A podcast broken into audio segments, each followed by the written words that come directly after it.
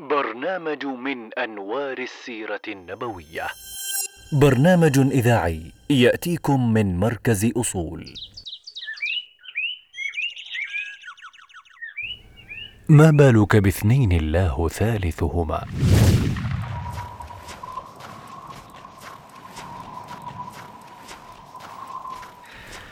وقف ينظر إلى المكان الذي كبر وترعرع فيه. أهله وعشيرته بيته وماله عمله وأصحابه. كل ذلك سيتركه خلفه اليوم. قد جاش في صدره الحنين إليها ولم يغادرها بعد. أخذ يخاطبها وكأنه يعتذر إليها. والله إنك لخير أرض الله وأحب أرض الله إلى الله ولولا أني أخرجت منك ما خرجت.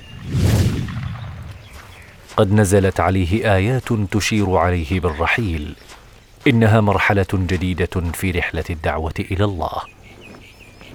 رغم مضي الأيام والسنين إلا أن قريشا زادت تعنتا وكفرا قتلت وعذبت شردت ولاحقت استكبرت وكذبت. المعجزة تلو المعجزة. قد رأتها بعينها وأيقنتها بقلبها. لكنها الأهواء والشهوات. فأسياد قريش لن يتبعوا احدا ولو كان رسول الله. لسان حالهم كما قال إبليس سابقا أنا خير منه. اجتمعوا في دار قصي بن كلاب. تناهت إلى أسماعهم أخبار هجرة المؤمنين. وعلموا أن رسول الله سيخرج إليها حتما. يصيب منعة وقوة فاتفقوا على قتله. وبئس الاتفاق. وهكذا الحق والباطل صراع إلى قيام الساعة. في جنح الظلام. خرج الصاحبان في خفية. وقريش جمعت شبانا من قبائل شتى تريد أن يضيع دم النبي صلى الله عليه وسلم بين القبائل. وهيهات أن يضيع الله نبيه. فنجا منهم بعد أن أحاطوا منزله. لكن النبي الكريم لم ينس ابدا أن لقريش أمانات عنده. فترك ابن عمه عليا ليؤدي الأمانات. ويعيد الحقوق. فالصادق الأمين لم يخن يوما عهدا حتى مع عدوه. استفاقت قريش في اليوم التالي لتجد الرسول الكريم قد غادر مكة. فلا ينقضي عجبها كيف غادر أمامها. ولا تدري أين تبدأ البحث عنه. لكنها على عجل بثت شياطينها ونشرت أشرارها. كلهم يريد العثور على محمد. وما هي إلا ساعات حتى أدركت قريش الرجلين في جبل ثور. كثيرون لكنهم هباء. كلهم يبحث عن محمد وصاحبه. ينظر الصديق لأقدام المشركين. هم فوقهم. لو نظر أحدهم تحت قدميه لرآهما. أبو بكر خائف على رسول الله صلى الله عليه وسلم. نظراته قلقة وقلبه مضطرب. يطمئنه رسول الله قائلا يا أبا بكر ما ظنك باثنين؟ الله ثالثهما. أيقنت قريش أن الرجلين نجحا في تجاوز حصارهما فاستشاطت غضبا وتمادت في غيها وأعلنت عن جائزة كبرى لمن يأتيها بمحمد صلى الله عليه وسلم حيا أو ميتا. مئة ناقة من الإبل. جائزة مغرية للكثير. فانطلقت الأفواج من قبائل شتى.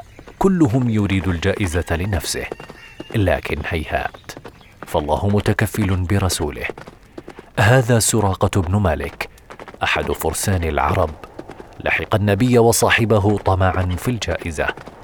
لكنه ما إن أدركهما حتى أخذ ينادي النبي وصاحبه قد ساخت قدما فرسه في التراب وغاصت. يرجوهما أن يدعو الله له ويعدهما أن يرد الناس عنهما.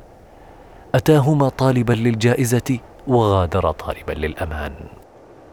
قد رأى بعينه يقينا أن حفظ الله لهما أقوى من كل البشر فما ظنك باثنين؟ الله ثالثهما. خطوة وراء خطوة. كانت رحلة الهجرة الطويلة مخاضا لا بد منه. لتبصر دولة الإسلام النور كي تبدأ جولة جديدة من ذلك الصراع الأزلي. صراع الحق والباطل صراع التوحيد والشرك. صراع لا بد فيه من هجر الأهل والأصحاب الدار والوطن المال والعمل.